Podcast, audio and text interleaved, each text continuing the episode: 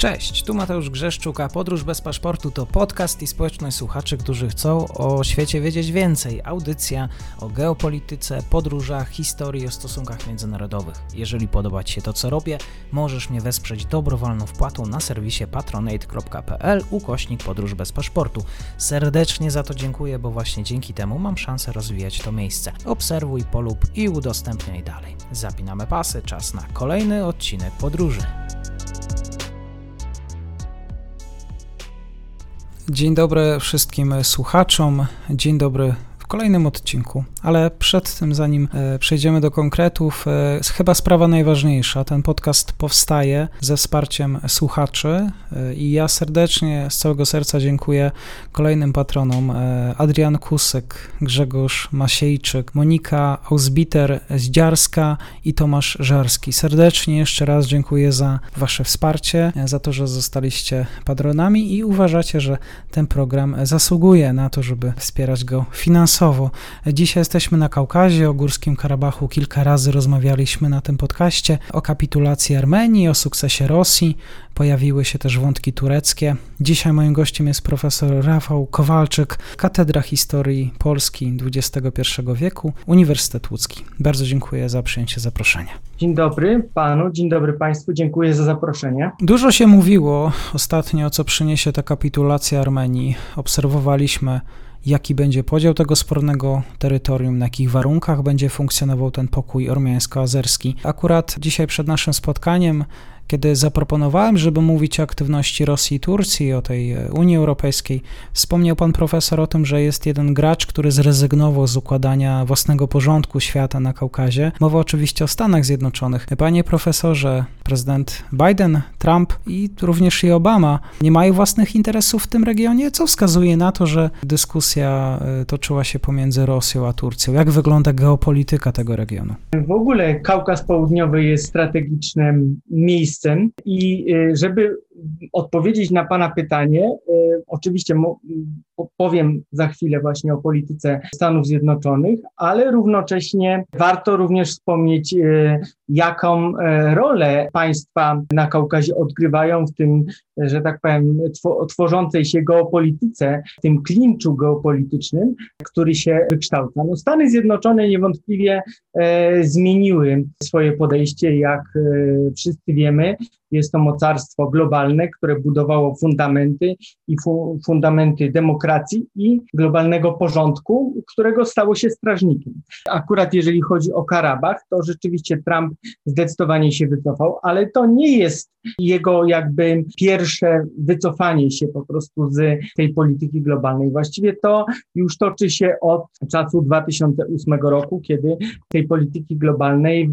wycofał się prezydent Obama, który nie chciał pełnić roli strażnika globalnego porządku w konflikcie z Syrią, co, co jak wiadomo i ma to wpływ na, również na Kaukaz, spowodowało ten kryzys migracyjny, ponieważ nagle Unia Europejska na czele z Berlinem została postawiona przed faktem dokonanym, nie miała ani doświadczenia, ani środków, no i popełniła ten błąd, że po prostu wpuściła tą falę emigrantów e, do Unii Europejskiej, uważając, że jakoś to będzie. To nie było oczywiście, że tak powiem, nie miała doświadczenia w tym zakresie, nigdy Niemcy nie miały w tym zakresie doświadczenia, natomiast Stany Zjednoczone przestały chcieć być cały czas strażnikiem. Oczywiście zyskała na tym Rosja. Natomiast jeżeli chodzi o 2020 rok, no to sytuacja jest troszeczkę już bardziej skomplikowana. Trump e, zdecydowanie kontynuuje tą politykę, a nawet ją stawia na ostrzu noża. Wystarczy wspomnieć, co w 2019 roku zrobił z swoimi sojusznikami Kurdami i jak to się skończyło dla sytuacji szczególnie Turcji, która zrobiła porządki po swojemu po prostu na Bliskim Wschodzie. 2020 USA dystansuje się od e, sytuacji na Kaukazie. Ale trzeba zwrócić uwagę, dlaczego. Trzeba pamiętać, że Armenia. I tu właśnie jest ten mankament. Armenia jest jakby forpocztą interesów rosyjskich. W związku z tym Armenia jest traktowana jako kolebka tego układu sił, który Rosja próbuje e, rozgrywać na południowym Kaukazie, czyli ulegać, czyli po prostu wzmocnieniu. Armenia jest po prostu jakby w klinczu rosyjskich wpływów, dlatego że od właściwie początku uzyskania niepodległości, jest pod, zwłaszcza po, że tak powiem, pokoju w Biszkecie, jest po prostu jakby gwarantem wpływów rosyjskich na Kaukazie Południowym. Również Europa dystansuje się do, dystansowała się do tej sytuacji. Dlaczego? Dlatego, że właściwie można powiedzieć, że Azerbejdżan od y, początku XX wieku odrobił niewątpliwie lekcje, bardzo zbliżył się w kierunku Turcji, ale jednocześnie właściwie chce zbliżyć się pod kątem interesów oczywiście do Europy, na co ma wpływ oczywiście stabilność finansowa e, Baku. Rosji udało się po prostu zlikwidować Nabucco. Projekt nie uległ likwidacji przez Unię Europejską, dlatego że powstał południowy korytarz gazowy. Dzięki właśnie temu, że południowy korytarz gazowy powstał i właściwie można powiedzieć, że powstały już dwie nitki a jeżeli uda się pozyskać złoża z Turkestanu, o, o czym bar, o co bardzo za, zabiega Ankara, to właściwie przez ten gazociąg będzie przepływało 25 miliardów sześciennych gazów. Proszę zwrócić uwagę, że to jest dużo więcej niż ma ten rosyjski, turecki potok, którego dwie nitki mają 17,5 miliarda. To rodzi pewną, że tak powiem, no, konflikt interesów odnośnie uregulowania sytuacji, że tak powiem, pomiędzy Armenią a Azerami, czyli Azerbejdżanem, dlatego że Unia Europejska jest jakby zainteresowana w odbiorze tego gazu, który jest dla niej strategicznym celem, dlatego że jak wiadomo, chce uniezależnić się od gazu rosyjskiego. To po prostu powoduje, że ten konflikt jakby nie zyskał takiego zainteresowania ze strony Unii Europejskiej. Poza tym Stany Zjednoczone właśnie kontynuując tą politykę e, wycofywania się koło hegemona, po prostu pozostawiły ten e, Kaukaz Południowy do podziału pomiędzy swojego sojusznika Turcję a bezpośrednio Rosję. Turcja rzeczywiście stała się symbolem tej wojny, natomiast warto wspomnieć, dlaczego ta wojna tak się potoczyła. Otóż, tak jak już wspomniałem, właściwie Armenia, Erewan nie stanowi o swojej polityce. Stanowi ją Moskwa. To właściwie Armenia została zmuszona do tego, by zostać członkiem Organizacji Układu o Bezpieczeństwie Zbiorowym. Na terytorium Armenii znajdują się również rosyjskie bazy wojskowe.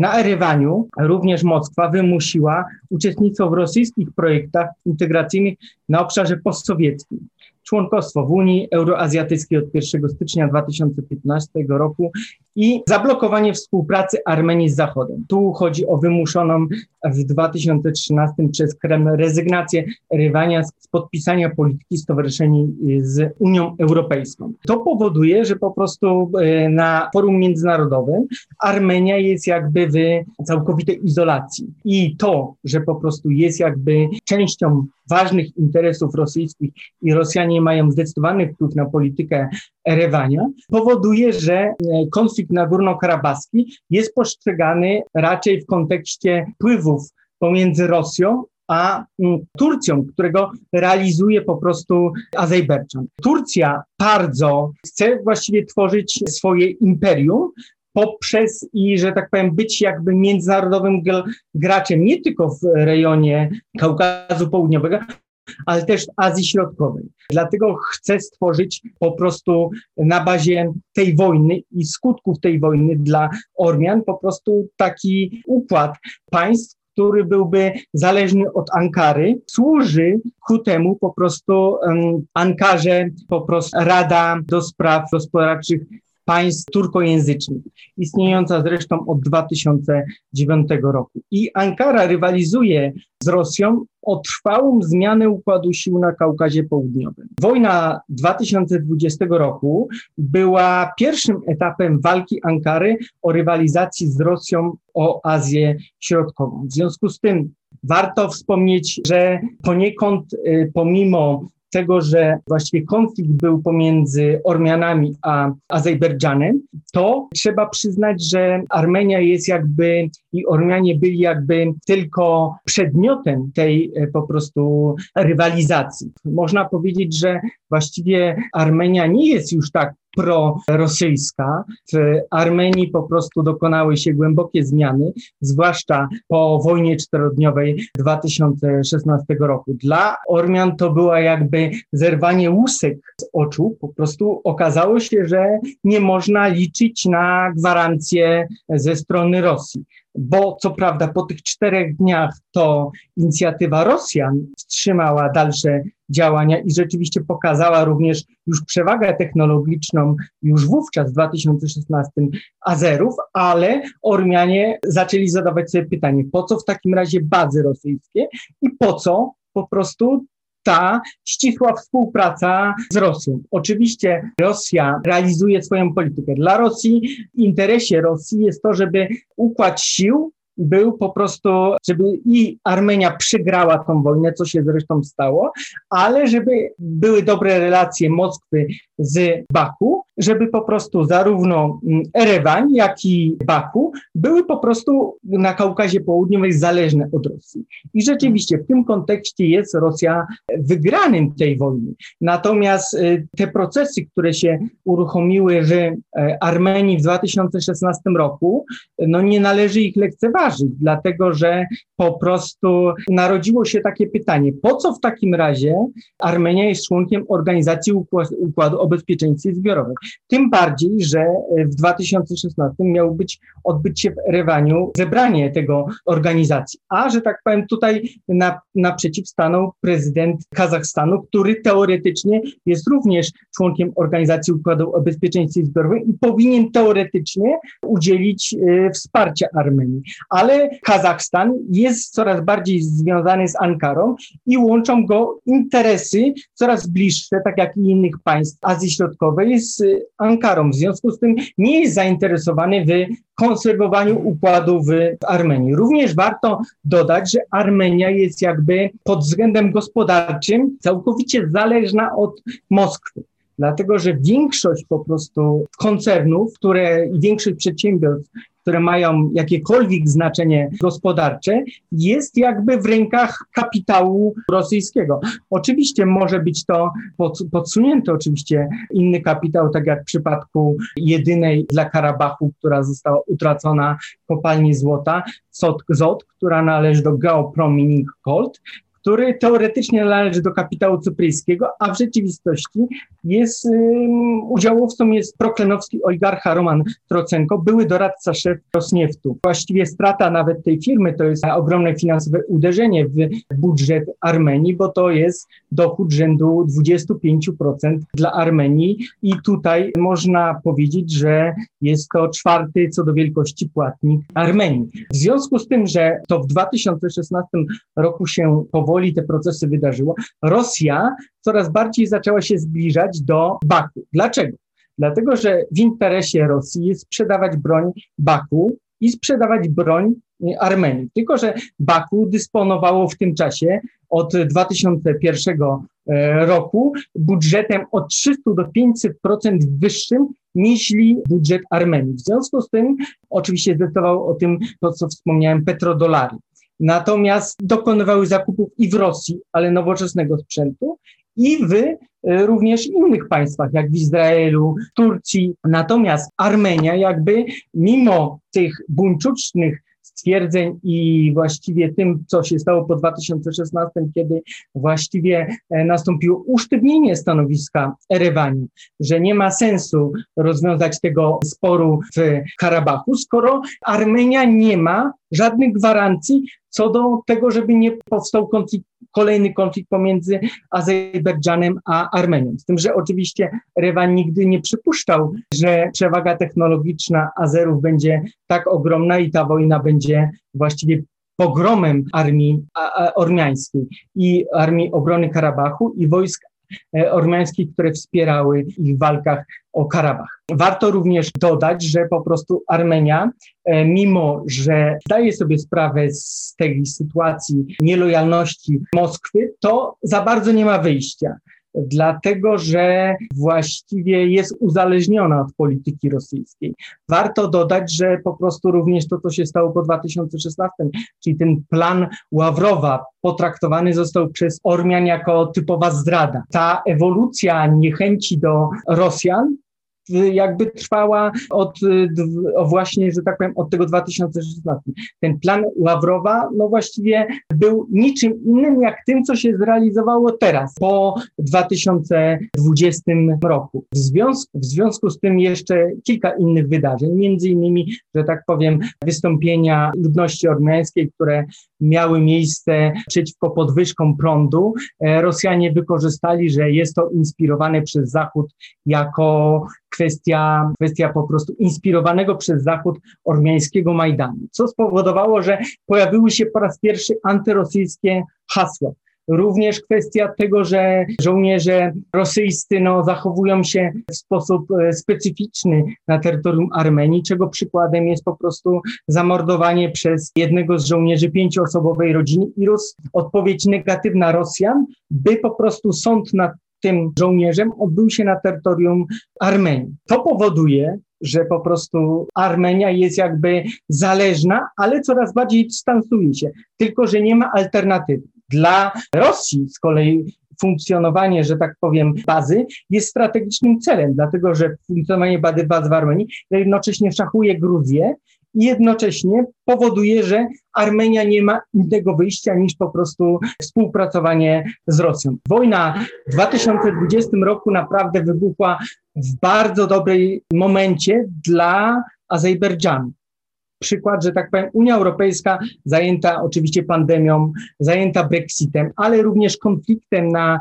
Morzu Śródziemnym. Warto dodać, że tak powiem, o konflikcie pomiędzy Grecją a Turcją, gdzie po prostu interesy globalnych koncernów. Warto również dodać o, że tak powiem, tworzonym przez Grecji, które uważane jest przez Ankarę jako antytureckim siedzibą w Kairze wschodnio-śródziemnomorskim forum gazowym, którego w tym roku również, że tak powiem, członkami byli Grecja, Cypr, Izrael, Egipt, Włochy, Jordania, Palestyna i w tym roku doszła Francja. Więc po prostu to akurat spowodowało, spowodowało, że ten konflikt wybuchł w optymalnym momencie, czyli puentując, że tak powiem, słabość Armenii, słabość armii armeńskiej, która bazowała cały czas na sprzęcie rosyjskim, ale głównie modernizowanym postradzieckim. Druga kwestia. To, że tak powiem, dobre relacje międzynarodowe Baku, że tak powiem, chęć uczynienia przez Ankarę Kaukazu Południowego jako swoistego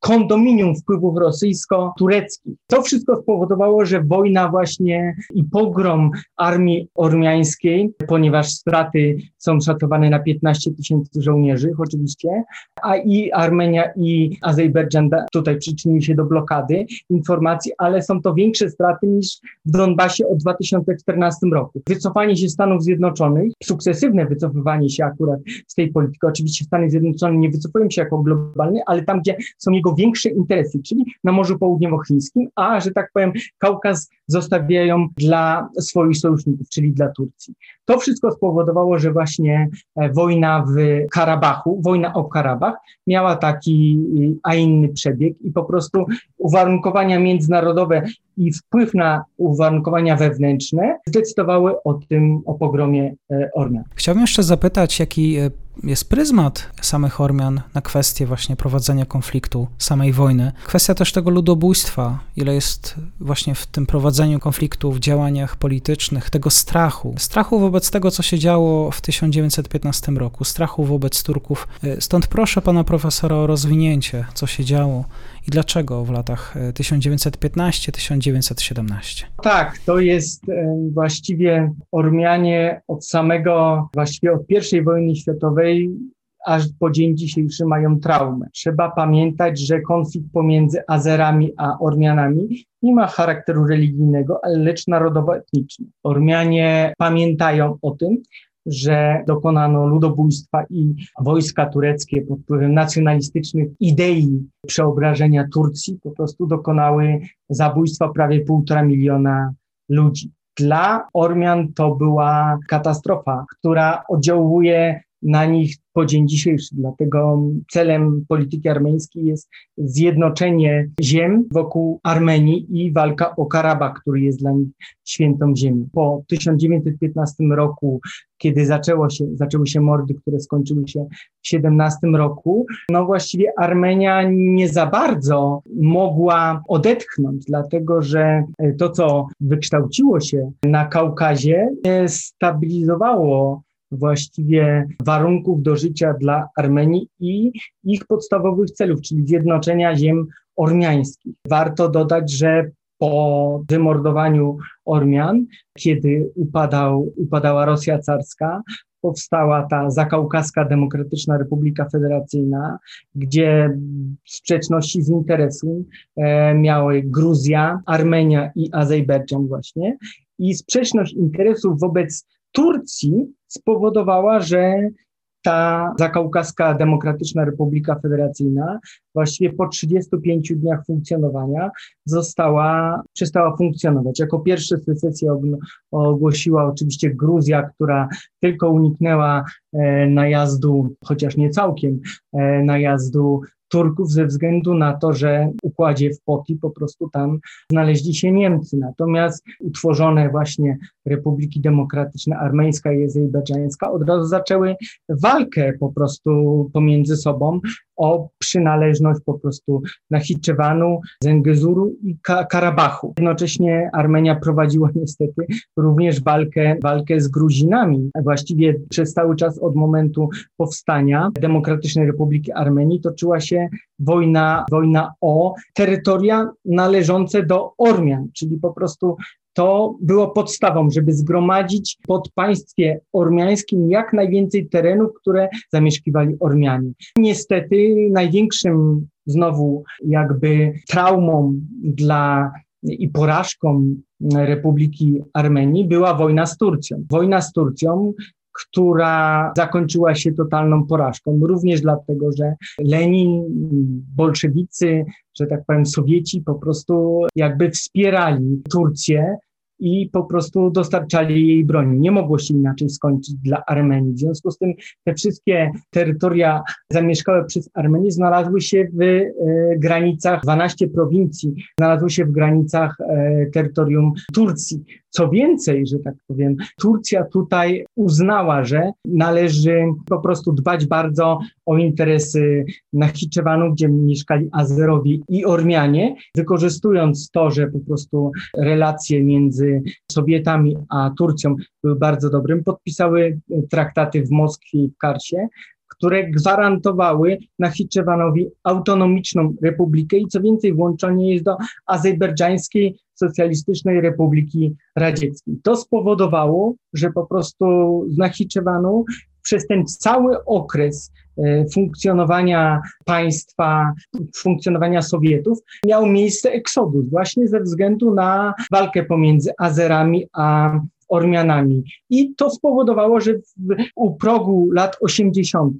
odsetek ludności ormiańskiej w Nachiczewanie był po prostu minimalistyczny. W związku z tym w styczniu 1990 roku to Azerowie zdecydowali o powołaniu republiki, która później zyskała po prostu, oni tworzyli po prostu, a nie Ormianie, których ludność oscylowała w granicach 1%, biorąc pod uwagę, że to w czasach sowieckich było kilkanaście trzeba zwrócić uwagę, że i Ormianie, i Azerowie stosowali wobec siebie przez ten cały czas okres jakby dominacji sowieckiej politykę nacjonalistyczną. Wypierali kulturę, wzajemnie szkoły, szkoły z Azerbejdżanu po prostu szkoły ormiańskie, z armeńskiej szkoły azerskie. Także jedni i drudzy byli winni, z tym, że po prostu tendencją Ormian było to, żeby uzyskać jak najwięcej szansy na to, żeby terytorium zamieszkiwałe przez Ormian, czyli Karabach, znalazł się w rękach, on w obszarze terytorium armeńskiej SSRR. W związku z tym już od lat 60. proszono Moskwę o włączenie, na co po prostu e, Moskwa nie wyrażała zgody. No i ta trauma właściwie funkcjonuje po dziś dzisiejszy, biorąc pod uwagę, że Turcy są po prostu postrzegani jako po pierwsze dokonali ludobójstwa, po drugie są czynnikiem sprawczym, który powoduje, że to terytoria, które e, Ormianie uważali za swoje, znajdują się w, albo w rękach Azerbejdżanu, albo w rękach Turcji, co automatycznie powoduje, że odsetek ludności ormiańskiej stamtąd po prostu zmniejsza się, bo następuje eksodus właśnie do Armenii. Z drugiej strony sytuacja gospodarcza w Armenii powoduje, że ludzie przestali wierzyć w jakiś taki sukces i w związku z tym ta ta migracja, w związku z tym e, jest to chyba naród, który tyle samo ma ludności w państwie, czyli około 3 miliony. Dziś uważa się, że to jest 2,5 miliona i tyle samo jest, e, no, dia, tyle samo liczy diaspora ormiańska. Także ta trauma związana z pogromami tureckimi, a później azerskimi funkcjonuje po dzień dzisiejszy i jest czynnikiem, który zdecydował, że Ormianie wkładali tyle wysiłków w utrzymanie Karabachu. To jeszcze jeden bardzo ważny wątek w historii Armenii, który też wiele mówi o tym, który warunkował to, w jaki sposób do tego konfliktu podchodzili Ormianie. Chodzi o pierwszą wojnę 92-94 e, początkowo wojna partyzancka i oczywiście legendarne w Armenii zwycięstwo, napawające dumą. E, czy mogę prosić pana profesora o rozszerzenie? Tak, zdecydowanie. No to powodowało, że Ormianie poczuli się bardzo pewnie w kontekście tego, że funkcjonowała cały czas jakby ochrona po 1994 roku i zapewnienie bezpieczeństwa ze strony Moskwy. Natomiast jak do tego doszło? W styczniu, właściwie od początku 1987 roku, Ormianie jeszcze, czyli jeszcze za funkcjonowania Związku Sowieckiego, Ormianie zdawali sobie sprawę z zagrożenia i walki właściwie rozpoczęły się już y, w 1987 roku.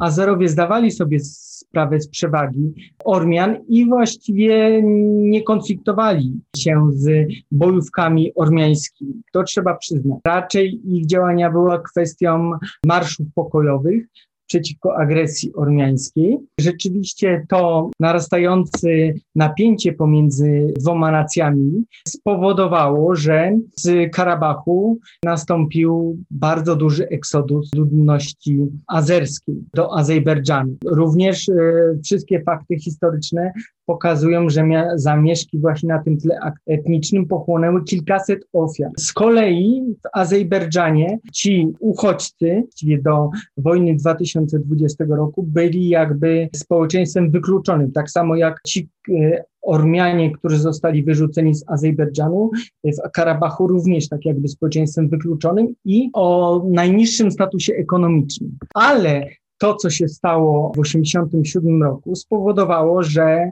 w mieście Sungaicie, gdzie mieszkała dość spora mniejszość ormiańska, napływowi uchodźcy azerscy doprowadzili do przepychanek. To zaczęło się od zwykłych przepychanek pomiędzy Azerami a Ormianami i w rezultacie doprowadziło do po prostu masakry bezbronnych Ormian. Oczywiście Baku jak zawsze stwierdziło, że śmierć poniosło bardzo mało osób. Natomiast jakby Azerów i Ormian nie były w stanie rozdzielić ani, wiadomo, wojska jeszcze sowieckie, ani, że tak powiem, również milicje azerskie. W związku z tym skala nienawiści była ogromna. Ten narastający konflikt Karabachu, że tak powiem, e, narastający w Armenii, narastający w Azerbejdżanie, jeszcze pod panowaniem sowieckim spowodował, że 20 stycznia 1989 roku Rada Najwyższa ZSRR ustanowiła w regionie specjalne władze podlegające bezpośrednio rządowi radzieckiemu.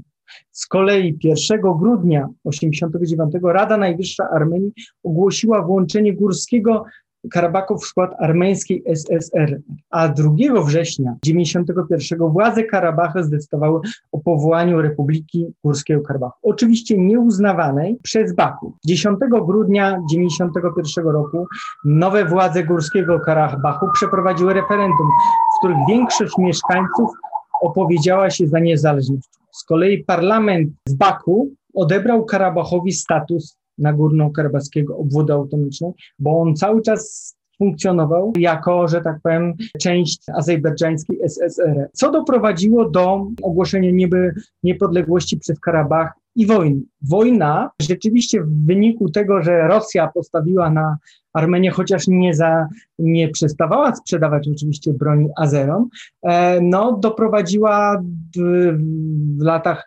92-93 do właściwie załamania wojsk azerskich i złamania również obrony Azerbejdżanu. E, Ormianie rzeczywiście są bardzo dumni z tego czasu, natomiast warto dodać jedną rzecz, że po prostu w momencie, kiedy siły Azerbejdżanu właściwie były bliskie załamania, to polityka Rosji, tak samo jak Sowietów, była taka sama. W pewnym momencie powiedzieli stop, bo Ormianie mogli nawet wówczas zająć Baku. Moskwa powiedziała stop, i dlatego właśnie, że tak powiem, został podpisany rozejm 9 maja 1994 roku w Biszkecie. Dla Rosji było to jakby Armenia zbyt silna, byłaby po prostu czynnikiem niwelującym ogromny wpływ Rosji na Kaukazie Południowym. W związku z tym dla niej było ważne, żeby i słaba była Armenia, i niezasilny Azerbejdżan i obydwa państwa będą się o terytorium konfliktowały. No rozejm niewątpliwie powodował, że nie tylko uzyskano Nagórny Karabach, ale terytorium, które nigdy do Nagórno-Karabaskiego obwodu autonomicznego nie należało. Niewątpliwie był to wielki e, sukces. Natomiast on nie doprowadził do zażegnania, wręcz przeciwnie, zaognił sytuację. Azerowie pałali niechęcią, a Ormianie po prostu chcieli utrzymać status quo, licząc na to, że podstawą będzie właśnie sojusz oparcie się na Moskwie. Dlatego być może, mimo tych środków ogromnych, e, które, które znalazły się w Karabachu, dlatego że e, Ormianie w Karabachu bardzo dbali o swoich mieszkańców, ściągali Ormian z, z Armenii, dofinansowywali po prostu ich przyjazd dawali im kredyty, byleby zamieszkiwali, byleby zwiększyć e, ludność Karabachu, Ormian i po prostu zagospodarowali wszystkie e, ziemie i wszystkie domy, jakie pozostały po Azerach, a również budowali nowe. Także to była rzeczywiście e, taka polityka, która no, nacjonalistyczna, narodowościowa, zmierzająca do budowy państwa narodowego. Jednocześnie po prostu Ormianie w Nagórnym Karabachu wyczyścili wszelką historię o koegzystencji e, z Azerami. Programy nauczania mówiły właściwie tylko o tym, co Ormian złego spotkało od Turków i od Azerów i właściwie nie szukały źródeł przyczyn tego konfliktu, ale po prostu utwierdzały w przekonaniu, że wszelkie, wszelkie winy są e, jako poniekąd, że tak powiem, związane z Azerami i to państwo należy się po prostu e, Ormianom. Ormianie zarówno w Armenii, na Karabachu, jak i diasporze zaczęli uważać tą Karabach za ziemię świętą. Dlatego to jest taki klincz geopolityczny, w którym jest Armenia, nie mogąc się wyrwać z tego, bo jest zakładnikiem Karabachu, który jest zakładnikiem daleko, długodystansowej polityki Ormian, czyli zjednoczenia tych ziem, które się da, gdzie mieszka większa część Ormian, pod panowaniem ormiańskim, czyli Erewanie. Ponieważ kilkakrotnie byłem w Nagórnym Karabachu, więc mogę stwierdzić tylko jedno, że ludność, która została wyrzucona Ormianie z, z Azerbejdżanu zamieszkali po prostu Karabach, byli całkiem inaczej traktowani niż ludność która napływowa była z Armenii. Oni stanowili najniższe pod względem ekonomicznym część po prostu społeczeństwa. I tak samo było z Azerami, którzy po prostu zostali wyrzuceni z Karabachu po wojnie, pierwszej wojnie o Nagórny Karabach. Natomiast zwycięstwo utwierdziło Ormian że to będzie status quo i nawet po kolorowej rewolucji właściwie nic się nie zmieniło. Cały czas hasła z Erywania szły, że po prostu Karabach po wieczne czasy jest ormiański i po prostu, a po 2016 po wojnie czterodniowej utwierdziło jeszcze, że status jest tylko po prostu możliwy taki, jaki funkcjonuje e, po 1994 roku. Także dla Ormian to był wielki szok, co się stało w 2020 roku i kolejna trauma i kolejna doza nienawiści, tylko że w tej sytuacji, w której funkcjonują, mimo chęci o, mimo rewanżyzmu, dążenia do rewanżyzmu, no sytuacja Erewania i sytuacja Karabachu jest bardzo skomplikowana. Natomiast po 1994 roku było to przyczyną ich dumy. Natomiast przespali ten czas, można powiedzieć, dlatego że nie przygotowali się do tego, co było nieuchronne, do konfliktu z Azerbejdżanem, bo on po prostu był oczywisty, że będzie. Za moment, za rok, za dwa, ale będzie. Panie profesorze, dziękuję serdecznie jeszcze raz za tę opowieść z Górnego Karabachu, z Kaukazu. Moim gościem był profesor Rafał Kowalczyk, Uniwersytet Łódzki. Bardzo dziękuję. Dziękuję bardzo.